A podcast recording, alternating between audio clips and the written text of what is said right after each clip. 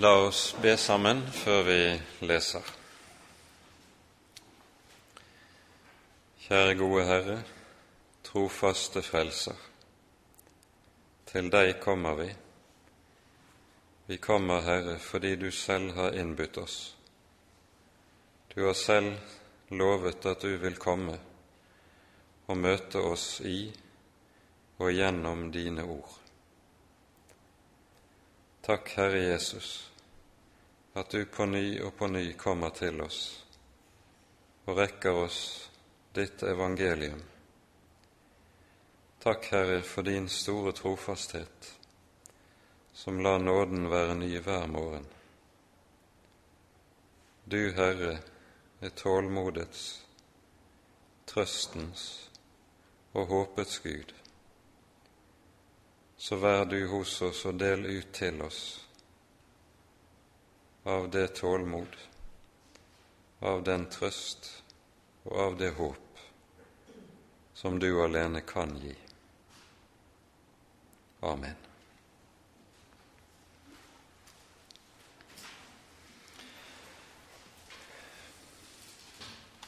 Vi leser da i sammenheng de 13 første versene i kapittel 15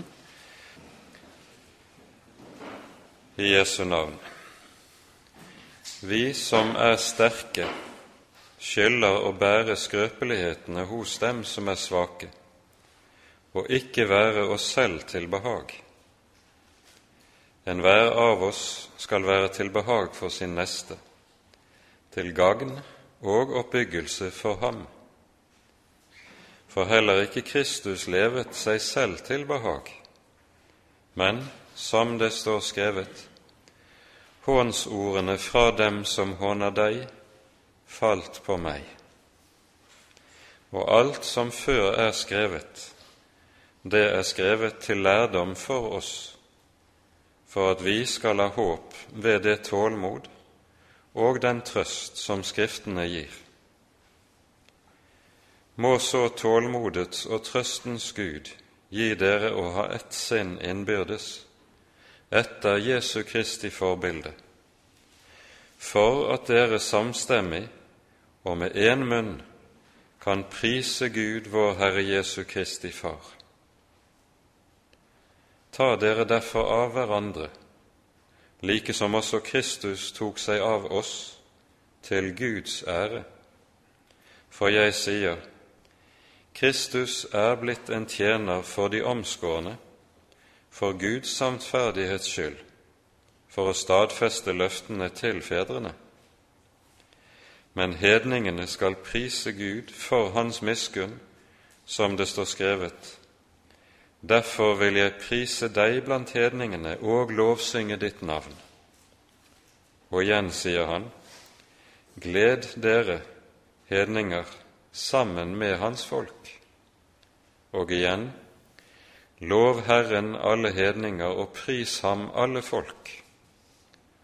Og igjen sier Jesaja, Isais rotskudd skal komme, han som skal stå frem og herske over hedningefolkene.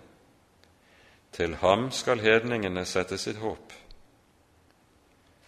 Må så håpets Gud fylle dere med all glede og fred i troen så dere kan være rike på håp ved Den hellige ånds kraft. Amen.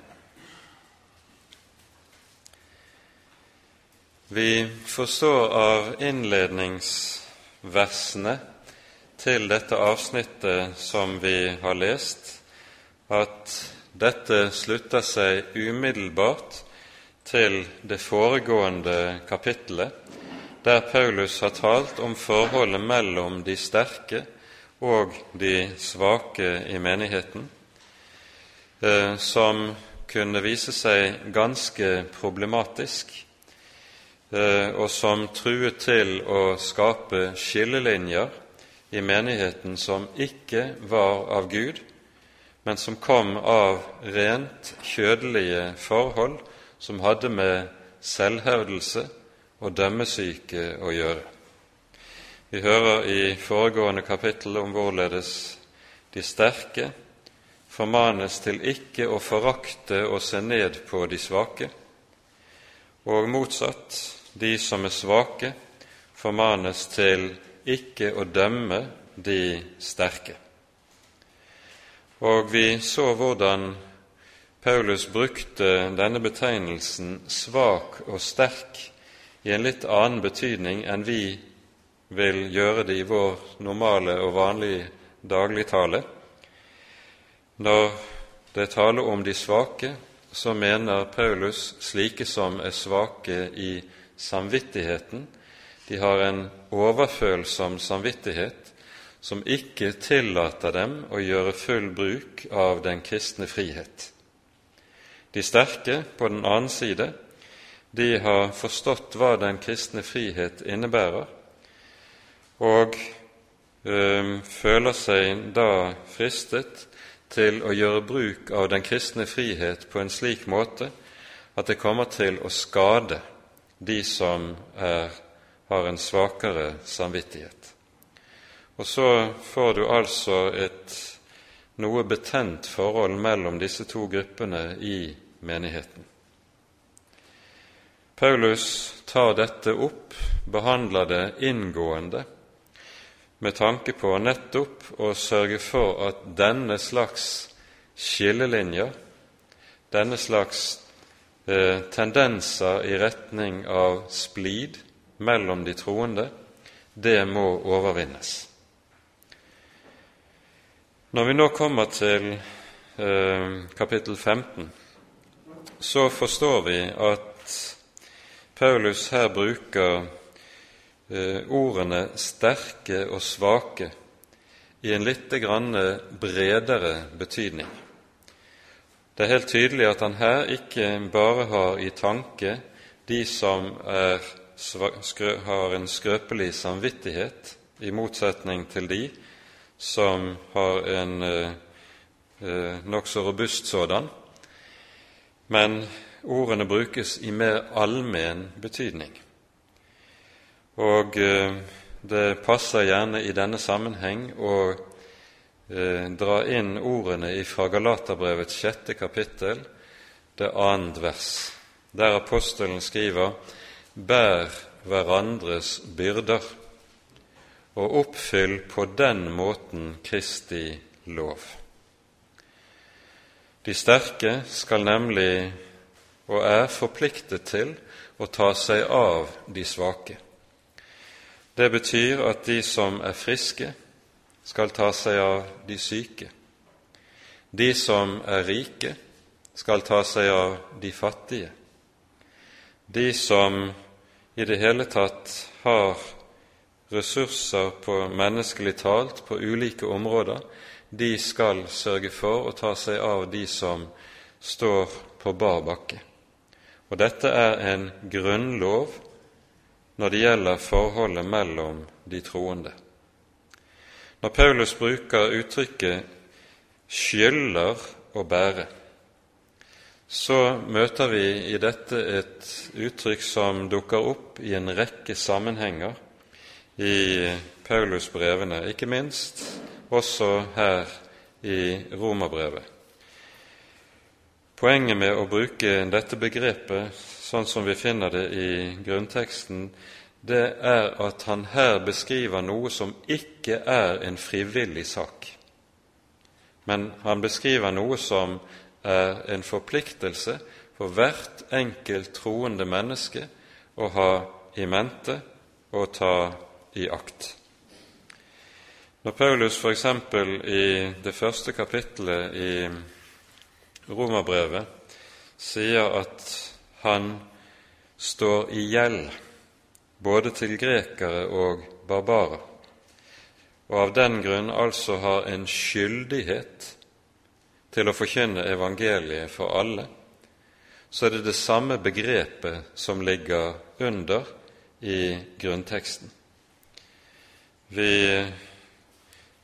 finner en rekke slike ord i eh, Romerbrevet. Her skal vi kanskje bare minne om det åttende verset i kapittel 13, der det sies:" Bli ingen noe skyldig annet enn det å elske hverandre. Men det å elske hverandre, det skylder hverandre. Det er ikke noe som er en frivillig sak, men som påhviler ethvert kristent menneske. Poenget med at apostelen uttrykker seg slik, det er noe vi skal være oppmerksom på i vår tid, hvor vi er så vant til å tale om og tenke på at det alt handler om, det er mine rettigheter. Jeg har rett til sånn og sånn. Jeg har krav på sånn og sånn. Sånn taler Bibelen ikke. I stedet peker Bibelen altså meget tydelig på hva som er vår skyldighet som troende mennesker. De sterke er skyldige til å bære de svakes skrøpelighet og ikke være seg selv til behag. Og med dette så settes alt som har med vår egoisme, egeninteresse, stadige jakt på egen fordel og egen ære, det settes på indeks. Det er det som skal korsfestes. Og nettopp vår svake bror, det er Guds gave til det troende mennesket, for ved at han, vi, vi troende settes til å ha ansvar for og ta oss av de svake, så får vi dermed hjelp til å døde og korsfeste egen egoisme. Og det er en Guds gave. Slik skal en kristen tenke om dette. Og Derfor fortsetter altså apostelen med å si enhver av oss skal være til behag for sin neste, til gagn og oppbyggelse. Da skal vi i denne sammenheng merke oss at Paulus bruker to uttrykk for å beskrive hva som menes med å være nesten til behag. For her handler det ikke om eh, det som man av og til kaller for menneskebehag, det at man opptrer på en sånn måte bare for, på en bestemt måte for å bli populær blant andre mennesker. Det er ikke det apostelen tenker på og taler om i denne sammenheng når han taler om å være nesten til behag. Det han taler om, er at det, det som er til det gode for min neste, altså det han trenger reelt sett, og til oppbyggelse. Og i grunnteksten står det her ikke til oppbyggelse for ham. Ordene 'for ham' er her føyd til som en fortolkende tillegg. I grunnteksten står det bokstavelig og rett ut vi skal være til behag for vår neste, til gagn, til oppbyggelse. Og Da gir det seg, sånn som vi har pekt på det tidligere, at ordet oppbyggelse peker på og dreier seg om fellesskapet. Det taler om at menigheten eh, beskrives under bildet av et hus som er under oppføring, og der hvert enkelt troende menneske er en stein i dette byggverket, og så skal disse steinene føyes sammen, legges på hverandre, og så blir det etter hvert et byggverk, et hellig tempel for Herren. Det kalles for Den hellige ånds tempel. Og det er det som menes med oppbyggelse også i denne sammenheng. For det er helt åpenbart at det apostelen jo taler om i hele tekstsammenhengen, det er nettopp fellesskapet i menigheten. Det er det det dreier seg om å hegne om og ta vare på. Så kommer det en skriftbegrunnelse til dette, og nå summerer Paulus opp det som har vært sagt i hele det foregående kapittel, sammen med de, disse to versene i kapittel 15. For heller ikke Kristus levet seg selv til behag, men, som det står skrevet, hånsordene fra dem som håner deg, falt på meg. Det kan synes som et ganske underlig eh, skriftsitat å vise til i en sånn sammenheng som dette. Hvorfor taler apostelen her om den spott som Jesus var gjenstand for, den vanære som han var gjenstand for gjennom hele sitt virke, og bruker det som skriftbelegg for at troende mennesker ikke skal være seg selv til behag, men sin neste til behag. Årsaken ligger i noe vi hører i Johannesevangeliet, og som ser ut til å være noe av et hovedtema i eh, en rekke sammenhenger i Johannesevangeliet. I det åttende kapittel i Johannesevangeliet hører vi slik Jesus sier i vers 50.: Jeg søker ikke min ære, det er en som søker den, og han dømmer.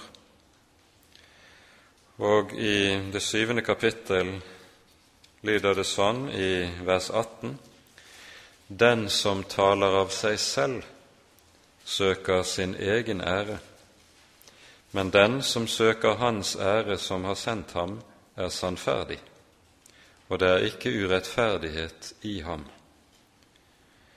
Da går vi til det femte kapittelet i Johannes evangeliet. Hører vi Jesus si følgende først i vers 41.: Jeg tar ikke imot ære fra mennesker. Og så føyer han til i vers 44.: hvordan kan dere tro, dere som tar ære av hverandre? Og den ære som er av den eneste Gud, den søker dere ikke. Poenget i dette det er at Paulus først i eh, vers 1 sier en troende menneske skal ikke være seg selv til behag. Så motsatt, han skal være nesten til behag. Noe av det som sitter aller sterkest og dypest i oss når det gjelder egeninteressen, det er nettopp æresyken, ærekjærheten, som henger sammen med trangen til selvhevdelse, og som ofte ytrer seg nettopp i dette jaget etter popularitet som preger oss mennesker. Det er en del av syndefallet.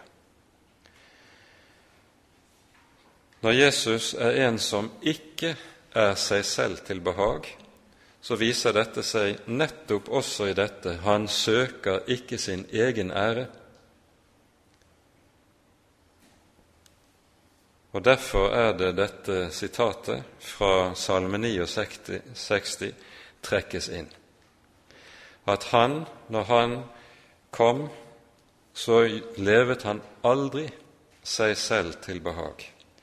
Hele hans liv bestod i et eneste sammenhengende offer for en fallen menneskehet.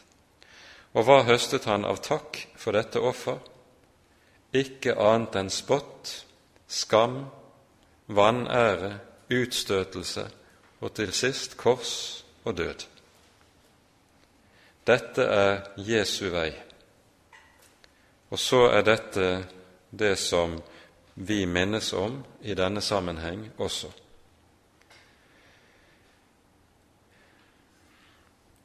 Ikke minst gjelder dette som vi her hører, som et alvorsord overfor alle som er satt til å bære frem Guds ord. Den største faren for de som har dette ansvar, er nettopp å søke etter og jage etter å bli populær og få anerkjennelse fra mennesker. Og da er det dette som hentes frem hos apostelen, ikke være seg selv til behag, like som Herren Kristus.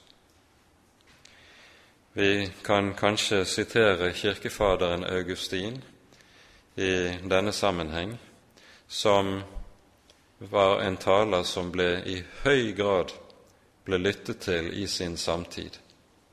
Han sier ved en anledning følgende til forsamlingen Jeg søker ikke deres bifall, men deres omvendelse.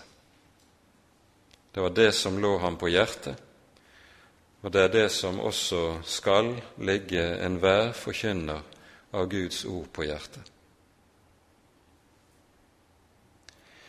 Nå følger det et innskudd i det fjerde verset her i kapittel 15, som drar en linje som er uhyre betydningsfull. For med dette så samler apostelen noen viktige tråder i, fra hele romerbrevet. Han sier alt som før er skrevet, det er skrevet til lærdom for oss, for at vi skal ha håp ved det tålmod og den trøst som Skriftene gir. Det Paulus her taler om, det er Det gamle testamentet. Og som vi har vært inne på ved flere anledninger, for de første kristne var det jo slik at det ikke fantes noe Nytestamente. De første samlingene av nytestamentlige skrifter får vi antagelig først henimot slutten av det første århundret. Det som var de første kristnes bibel, var Det gamle testamentet. Det er ut fra Det gamle testamentet evangeliet om Jesus forkynnes. Det ser vi når vi leser talene i apostlenes gjerninger. Det er taler som nettopp har det med seg at Peter eller Paulus siterer fra Skriftene i Det gamle testamentet, og så forteller om hvorledes dette som er talt i Det gamle testamentet, det går i oppfyllelse. Eller det er godt i oppfyllelse. Det budskapet om at i Jesus har vi Frelserens Messias som oppfyller løftene i den gamle pakts hellige skrifter. Det er det som er så å si grunntemaet i alle talene hos apostlene. Og Derfor er det også i tråd med dette at Paulus også skriver i innledningen til romerbrevet, når han sier at han er utskilt til å være en apostel som skal forkynne Guds evangelium, så sies det i vers 2 det som han forut har gitt løfte om ved sine profeter i hellige skrifter. Altså allerede i innledningen til romerbrevet understreker apostelen dette båndet mellom budskapet i evangeliet og Det gamle testamentet. Kanskje vi også i denne sammenheng skal minne om Paulus' ord når han forhøres og står for retten, som vi hører om de apostelgjerningene 24, og han holder sin forsvarstale for landshøvdingen Felix. Da sier han, apostelgjerningene 24, 14, Det bekjenner jeg for deg, at etter den Guds vei som de kaller for en sektlære, tjener jeg således mine fedres Gud, at jeg tror alt som står skrevet i loven og profetene. Paulus har blitt beskyldt for å komme med noe nytt, noe som bryter med, noe som går utover, noe som avviker fra Skriften i Det gamle testamentet. Det er det som ligger i at han beskyldes for å komme med en sektlære. Og så sier han det er langt fra slik at dette er tilfellet. Tvert om. Hele hans tjeneste, altså hele hans forkynnelse, består ikke i annet enn at han tror og forkynner det som står skrevet i loven og profetene. Dette er viktig overmåte grunnleggende for oss å være oppmerksom på det evangelium som forkynnes for oss i Det nye testamentet, er ikke noe nytt i forhold til det som allerede er talt i Det gamle testamentet. Det nye testamentet er utelukkende beretningen om hvorledes Det gamle testamentet oppfylles, og hva denne oppfyllelse betyr. Det er det som er Det nye testamentets innhold. Derfor kommer ikke Det nye testamentet med noe som helst tillegg til rent sannhetsmessig i forhold til det som allerede er gitt i Det gamle testamentet. Dette er helt avgjørende, og derfor er det også slik at når du leser Det nye testamentet, så er saken den at det finnes ikke ett eneste begrep som ikke henter sin innholds, sitt innhold, sin betydning, fra Det gamle testamentet. Kjenner du ikke Det gamle testamentets språkbruk, så vil språket i Det nye testamentet bli meningsløst. Derfor er det også helt avgjørende å kjenne, være fortrolig med, lese, fordype seg i Det gamle testamentet. Det er en uvane at kristne mennesker kun leser i Det nye testamentet, for det fører til at svært meget av sannheten og forståelsen av sannheten blir hengende i løse luften.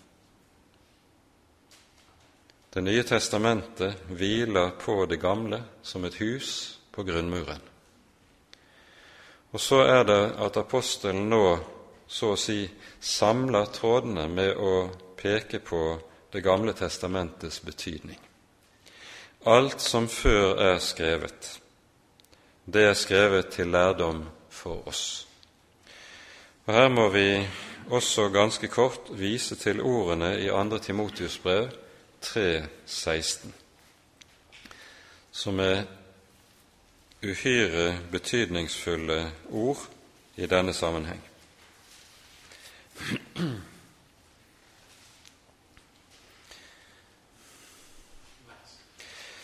Eh, jeg tror for sammenhengen sin skyld skal vi lese fra vers 14 til 17 i 2. Timotius brevs tredje kapittel.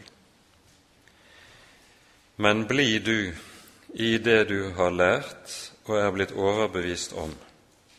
Du vet jo hvem du har lært det av, og helt fra barndommen av kjenner du de hellige skrifter, som kan gjøre deg vis til frelse ved troen på Kristus Jesus. Merk det, det som her sies om Det gamle testamentet, er at nettopp Det gamle testamentet gjør vis til frelse ved troen på Kristus Jesus. Og så fortsetter han hele Skriften er innåndet av Gud og nyttig til lærdom, til overbevisning, til rettledning, til opptuktelse i rettferdighet. Og så merk følgesetningen som så kommer for at det Guds menneske kan være fullkomment satt i stand til all god gjerning. Det er altså slik at Skriften har det med seg at den skaper og virker noe i det enkelte troende mennesket. Og Denne virkningen beskrives sånn som vi her hører det i det 17. verset, for at det Guds menneske kan være fullkomment og satt i stand til all god gjerning. Dette kan kun gis av Skriften og ikke av noe annet, aller minst ved selvstrev, med å drive og prøve å arbeide på å forbedre seg selv. Og Årsaken til dette ligger i Skriftens beskaffenhet. Paulus sier hele Skriften er innåndet av Gud. I grunnteksten står det ett enkelt ord som, om vi skulle oversette det direkte, ville lyde hele Skriften er Gud innåndet. Bildet som ligger bak, det er det vi finner i Første Moseboks annet kapittel, når Gud skaper Adam av jordens mull, eller støv, så står det at Gud blåser sin ånd i hans nese, og så blir Adam til en levende sjel. Og Det er nettopp den samme innblåsningsgjerning Gud har gjort når det gjelder Skriften. Og dette har gjort at Skriften er blitt til et ord som skiller seg fra alle andre ord. Den er et levende ord. Guds ord er levende og virkekraftig, sies det i Hebreabrevet i det fjerde kapittel.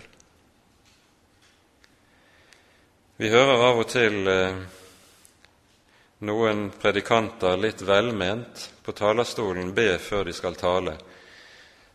De ber om at Gud skal gjøre ordet levende for dem. Det er en helt gal bønn. For ordet er levende. Det er vi som er døde. Og det vi må be om, er at Gud gjennom sitt levende ord må gjøre oss levende. Saken er nemlig den at når Gud har åndet sin hellige ånd inn i Skriftene, så har det det med seg at dette er noe som ikke bare dreier seg om noe som skjedde da Skriften ble nedskrevet, slik at vi kan si at nedskrivningen er inspirert av Gud. Men det innebærer enn mer dette at Ånden er i Ordet på en slik måte at når du lytter til, leser og fordyper deg i dette ord, så blåser Ånden på deg fra Ordet og du blir gjenstand for Den hellige ånds arbeid og gjerning. Det er det som ligger i det, at Skriften er innåndet av Gud. Og Derfor er Skriften også virkekraftig. Derfor har Skriften det med seg at når du leser Skriften, lytter til Skriften, fordyper deg i Skriften, så dreier det seg ikke, som med alle andre bøker, om kunnskapsmeddelelse det er noe rent teoretisk. Det dreier seg om noe langt mer og noe langt dypere.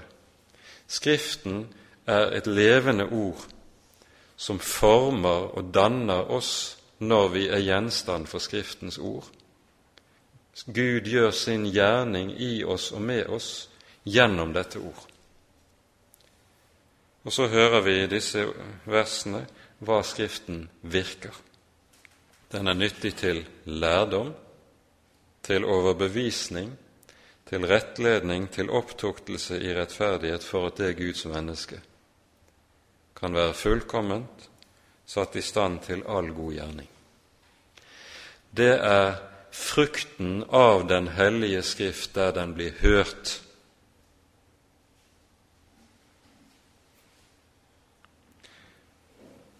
Noe av det samme er det apostlene er inne på her i Romane 15,4. Alt som før er skrevet, det er skrevet til lærdom for oss, for at vi skal ha håp ved det tålmod og den trøst som Skriften gir. Legg merke til det sies 'som Skriften gir'. Det er altså ikke bare sånn at Skriften taler om tålmod taler om trøst, taler om håp. Men Skriften har det med seg at den gir, den virker, og den skaper dette i et troende menneskes liv. Og Det er derfor det er så helt avgjørende at Skriften får rikelig rom i et kristent menneskes liv. Intet annet kan erstatte Skriften og det den virker. Vi legger merke til, når vi ser litt nærmere på de ord og begrep som Paulus drar frem spesielt i denne sammenheng, så sier han at vi får håp ved det tålmod og den trøst som Skriftene gir. Det sies med andre ord at håpet er en frukt av og en virkning av to andre ting tålmod og trøst.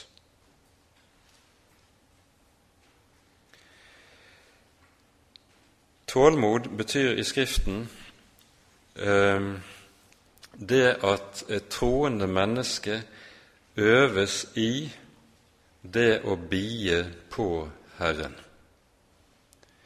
Det er et uttrykk som ikke anvendes så mye i kristen språkbruk lenger, men som vi ser er uhyre betydningsfullt i Den hellige Skrift. Sammen med troen hører alltid det å bie på og vente på Herren. Salme 27, 14 tør være kjent for mange av dere. Bi på Herren, vær ved godt mot, og ditt hjerte være sterkt.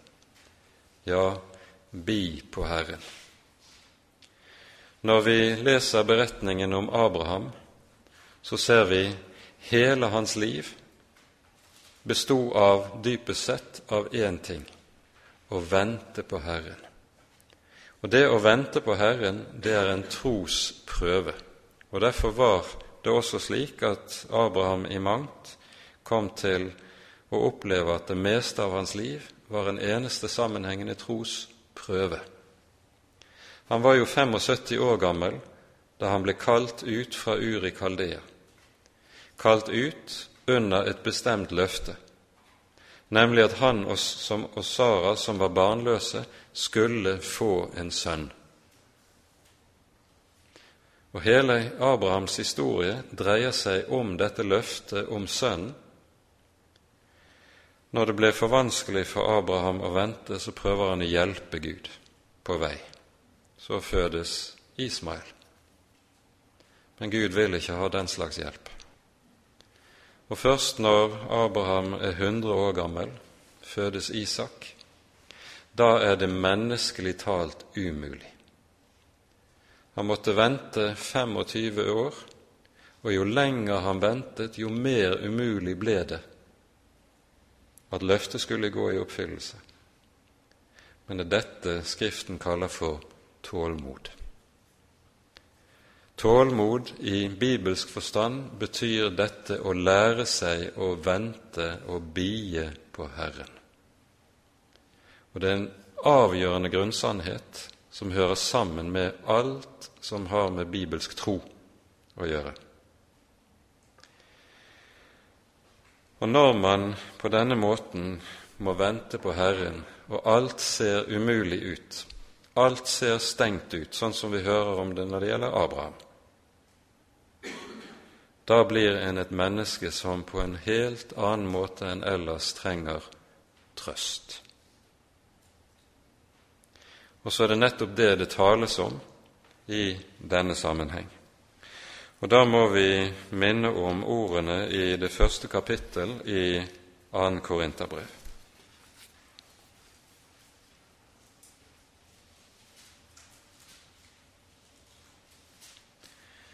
Her leser vi sånn fra det tredje verset.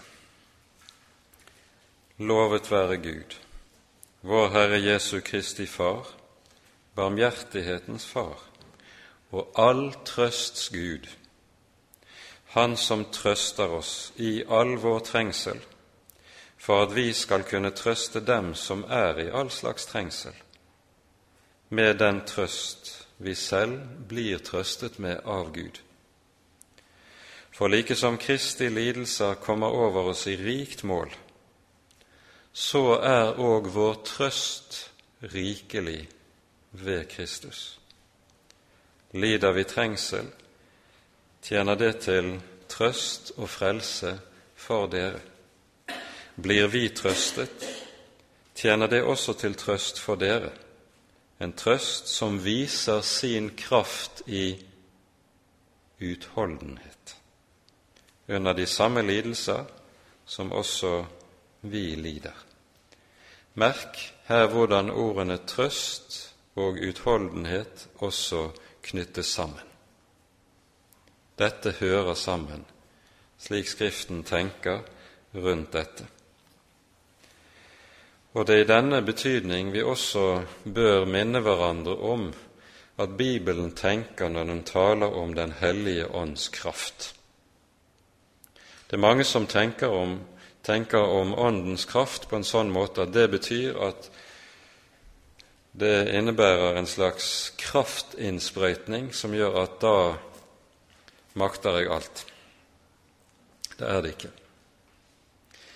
Også når det gjelder livet i idretten, vet vi at det er to former for styrke. Du har den styrke som er eksplosiv, og som viser seg hos sprinteren, hundremeterløperen. Den viser seg i en voldsom styrke, men den har ingen varighet. Og så har du den styrken som er hos maratonløperen. En sprinter er ute av stand til å løpe maraton. Og den styrke som Bibelen taler om når det taler om Åndens kraft, den er mye mer beslektet med den typen styrke som du møter hos maratonløperen. Det handler om utholdenheten i det å bie.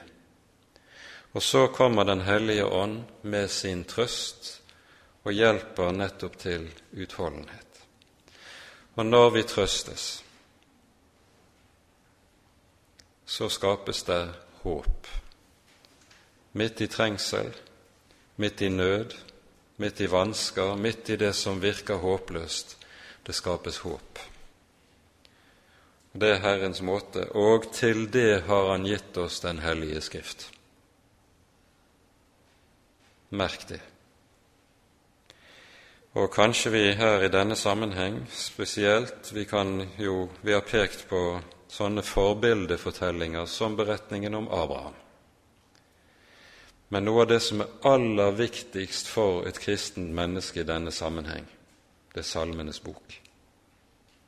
Vil du ha hjelp, vil du ha trøst, du, trenger du trøst til å holde ut, les Salmenes bok. Bruk Salmenes bok. Be Salmenes bok som dine egne bønner. Og gjør det jevnlig, gjør det daglig, på en slik måte at du blir fortrolig med det. Da vil du også, jo mer fortrolig du blir med salmene, vil du oppleve sannheten nettopp i dette som vi hører her i vers 4. At vi får håp ved det tålmod og den trøst som Skriften gir.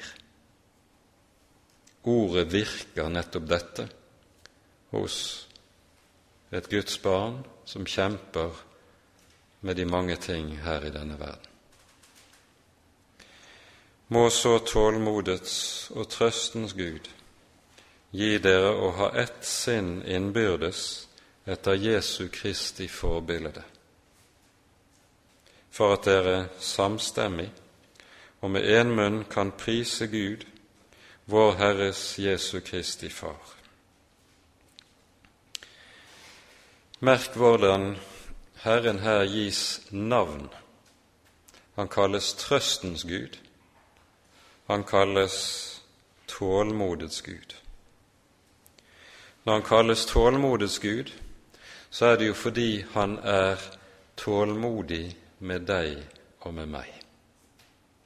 Tålmodig, når ordet brukes om Gud, så betyr det at Gud viser nåde over lang tid. Viser nåde om igjen og om igjen, og ikke blir trett av å vise det. Han er langmodig med oss. Han lar sin nåde være ny hver morgen. Han slutter ikke å vise nåde. Og du og jeg er fullstendig avhengig av at dette er sant, av den enkle grunn at synden alltid bor hos oss, alltid gjør seg utslag hos oss.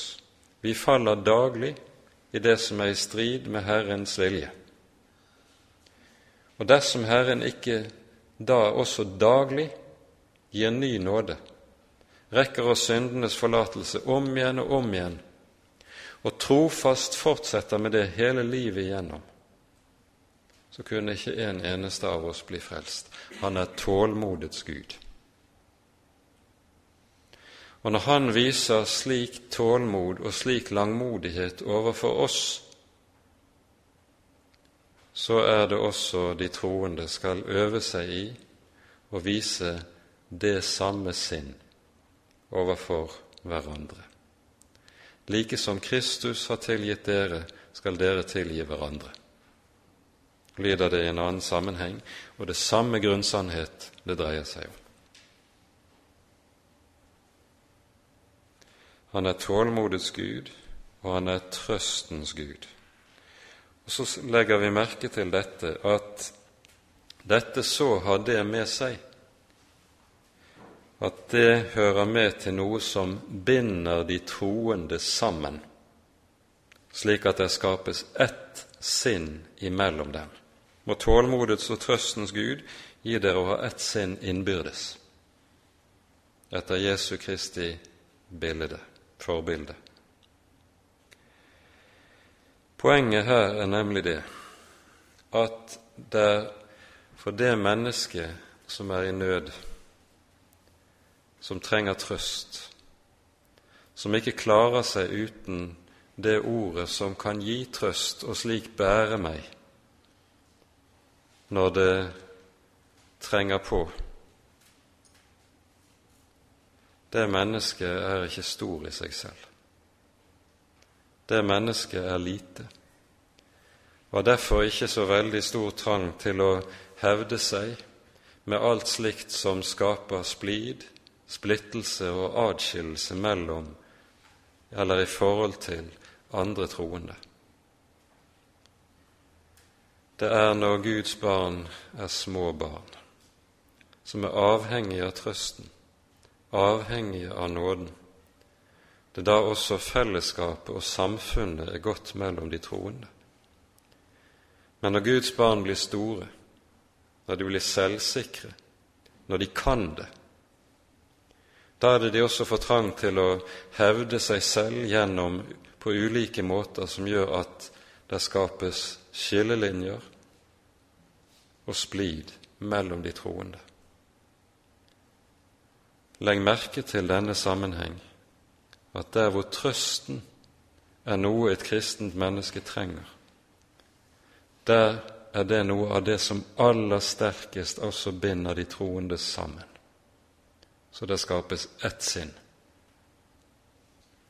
Paulus er inne på samme sak i Kolossabrevet i det annet kapittel. Jeg tror vi også skal lese det ene verset. Kolossabrevet 2, vers 2. Paulus taler om hvorledes han har bedt for menigheten både i Kolosse og i Laodikia og så hører vi hva innholdet i bønnen handler om, nemlig at deres hjerter må bli trøstet. Og så kommer det så de knyttes sammen i kjærlighet. Legg merke til følgesetningen. Det annet er en følge av det første. Å knyttes sammen i kjærlighet er følge av trøsten. Og slik nå frem til hele rikdommen av den fullvisse innsikt, til kunnskap om Guds mysterium, som er Kristus. For der de troende knyttes sammen på denne måten, så skjer det noe forunderlig.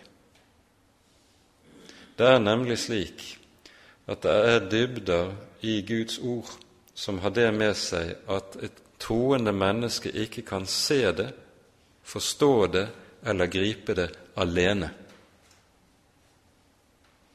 Det gripes og det sees kun sammen med de andre troende. Det er likesom slik at når en er sammen, så åpner det seg opp noe som du aldri før så når du var alene. Det er det Paulus taler om i dette, og jeg tror mange av dere også har erfart denne hemmelighet med de hellige samfunn. Trøsten binder sammen i kjærlighet, og så skapes dette. Må så tålmodets og trøstens Gud gi dere å ha ett sinn innbyrdes etter Jesu Kristi forbilde. Ordet 'forbilde' står her ikke i grunnteksten. Det er også et fortolkende tillegg. Bokstavelig står det i samsvar med Jesus Kristus. Slik er det grunnteksten ut, uttrykker seg. Det som nemlig er faren ved at man har dette ordet forbilde i denne sammenheng, det er at man da fort ledes inn i den tenkning som man kjenner fra kirkehistorien, nemlig at helliggjørelsen består i at jeg skal prøve å etterligne Kristus. Det er det som kalles for, på, på fint imitatio-fromheten. Eh, det er jo en kjent bok fra middelalderen som heter 'Kristi etterfølgelse', som mange av dere sikkert har vært borti, som nettopp har dette som hovedtema. Det dreier seg om hvordan det å være en kristen er å prøve å etterligne Kristus. Men det er ikke det som er tankegangen i Det nye testamentet, noe vi jo har sett meget tydelig i romerbrevet. Det dreier seg ikke om at jeg skal prøve å etterligne Kristus og slik bli annerledes, men det dreier seg om at jeg ved evangeliet korsfestes med Kristus og levendegjøres med Kristus, og slik skaper Gud av intet noe helt nytt. Det nye livet i en kristen består ikke i at jeg prøver å bli annerledes, men i at Kristus selv utfolder sitt eget liv gjennom meg. Og det er en ganske annen sak enn forsøkene på selvforbedring som man finner mange oppskrifter på. Romane 6 mener vi bare om i denne sammenheng er den store nøkkel til det vi her taler om, og vi viser bare til det vi tidligere har gått igjennom i denne sammenheng. I samsvar med Jesus Kristus, for at dere samstemmig og med én munn kan prise Gud, vår Herres Jesu Kristi Far. Her må vi understreke et par ting. Når det for det første sies 'for at dere samstemmig kan prise Gud', så pekes det her på den kristne menighets gudstjenesteliv. Det er det som er det fremste uttrykket for denne samstemmige lovsang som apostelen her taler om. For det andre, så når det brukes denne uttrykksmåten, så pekes det også med dette på noe av det som er selve det grunnleggende i den kristne eksistens, for å bruke et sånt uttrykk. Paulus setter ord på det i Efeserbrevets første kapittel, og vi må lese noen vers også derfra.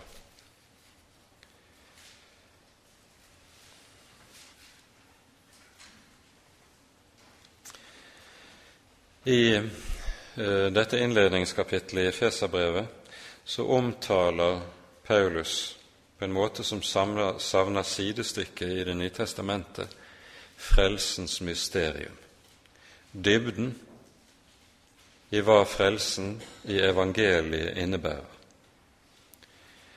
Og så hører vi hva noe av hensikten med dette mysterium er, åpenbaringen av frelsen. Det sies i vers 6.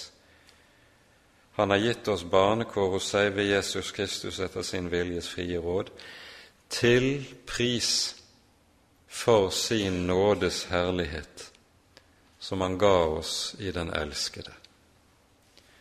Og hopper vi så til det tolvte verset i det samme kapitlet, så tales det i foregående verset om hvorledes vi har fått del i arven i Kristus. Og så lyder det i vers 12.: For at vi skulle være Hans herlighet til pris, vi som forut hadde håpet på Kristus. Og legg merke til at det står 'for at'.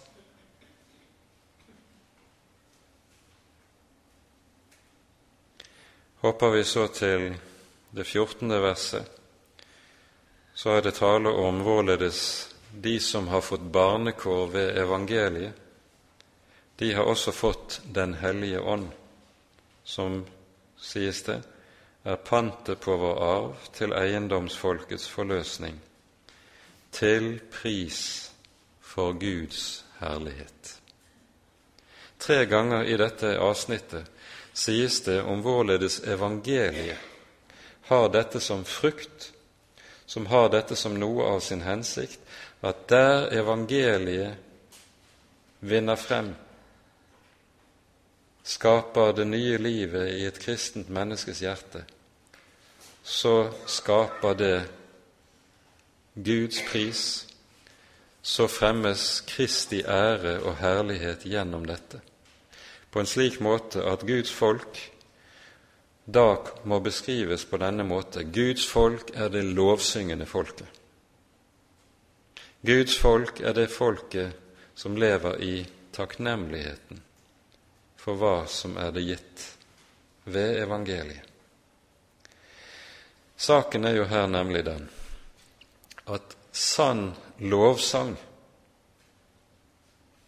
det er noe som aldri kan skapes gjennom oppfordringer til at man må ta seg sammen. Guds ære skapes ikke gjennom loven og at jeg prøver å gjøre noe i samsvar med loven, lovgjerninger. Guds ære og Guds pris skapes alene ved evangeliet. Og der evangeliet får lyse klart, der evangeliet blir sterkt, der skapes også Herrens pris og lovsang fra et folk som samstemmig lover Herren for Hans godhet, for Hans usigelige nåde. Og det er det Paulus taler om i disse versene som vi har vært inne i. Må så tålmodets og trøstens Gud gi dere å ha ett sinn innbyrdes etter Jesu Kristi forbilde, for at dere samstemmig med én munn kan prise Gud, vår Herres Jesu Kristi Far. Med dem vil også vi forene våre røster og tilbedende synge, lyder det i nadværliturgien. En liturgi som nettopp dreier seg om klarere og sterkere enn noe annet lovsangen for hva Han har gitt, Han som ga seg selv, intet mindre. Det som er det største av alle undere,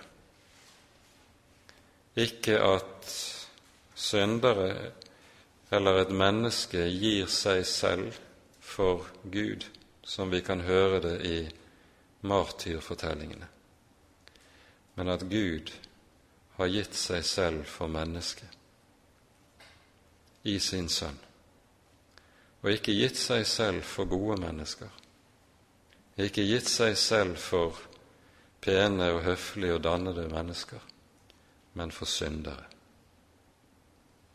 Det er underet.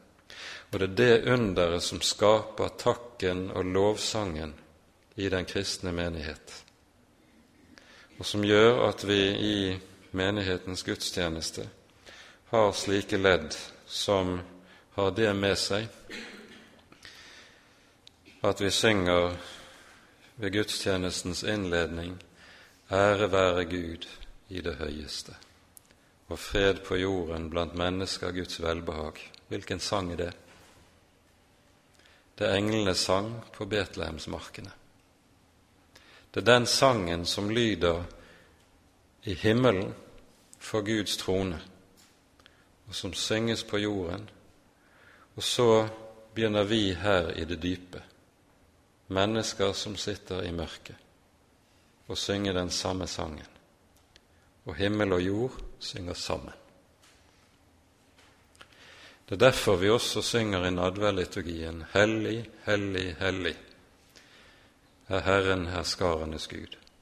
Det er også englenes sang innenfor tronen, som vi stemmer i, og så møtes himmel og jord. Det er denne samstemmighet, ikke bare mellom Guds folk, Guds barn her i verden, som har fått del i trøsten, men det er en samstemmighet som går ut over hva vi ser, der vi synger sammen med englenes herskarer i det høyeste. Det er den kristne gudstjeneste.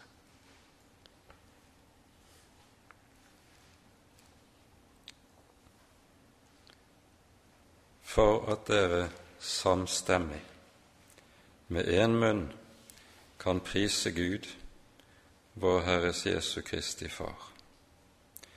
Med dette løftes der et perspektiv som vi ikke alltid er vant til å ha inne i synsfeltet, men som vi skal minne om helt til slutt, fra Hebreabrevets tolvte kapittel.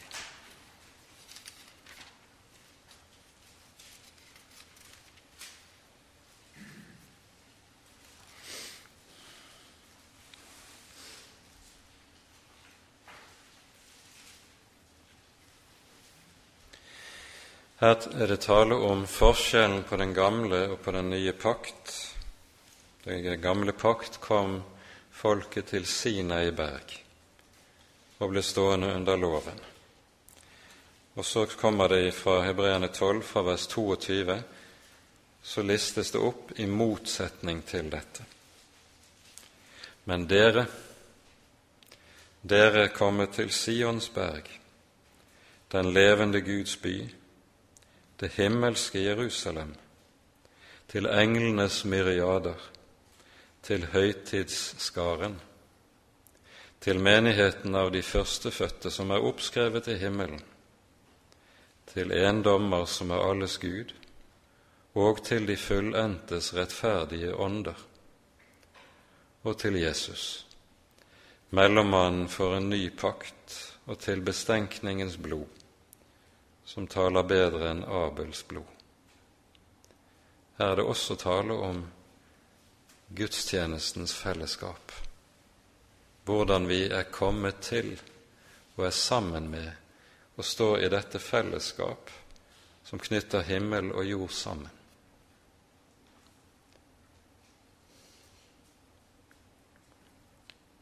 Dette hjelper oss til å ha et rett perspektiv på hva det er vi holder på med, når vi samles i Guds hus søndag formiddag. Ære være Faderen og Sønnen og Den hellige ånd, som var og er og være skal en sann Gud, høylovet i evighet. Amen.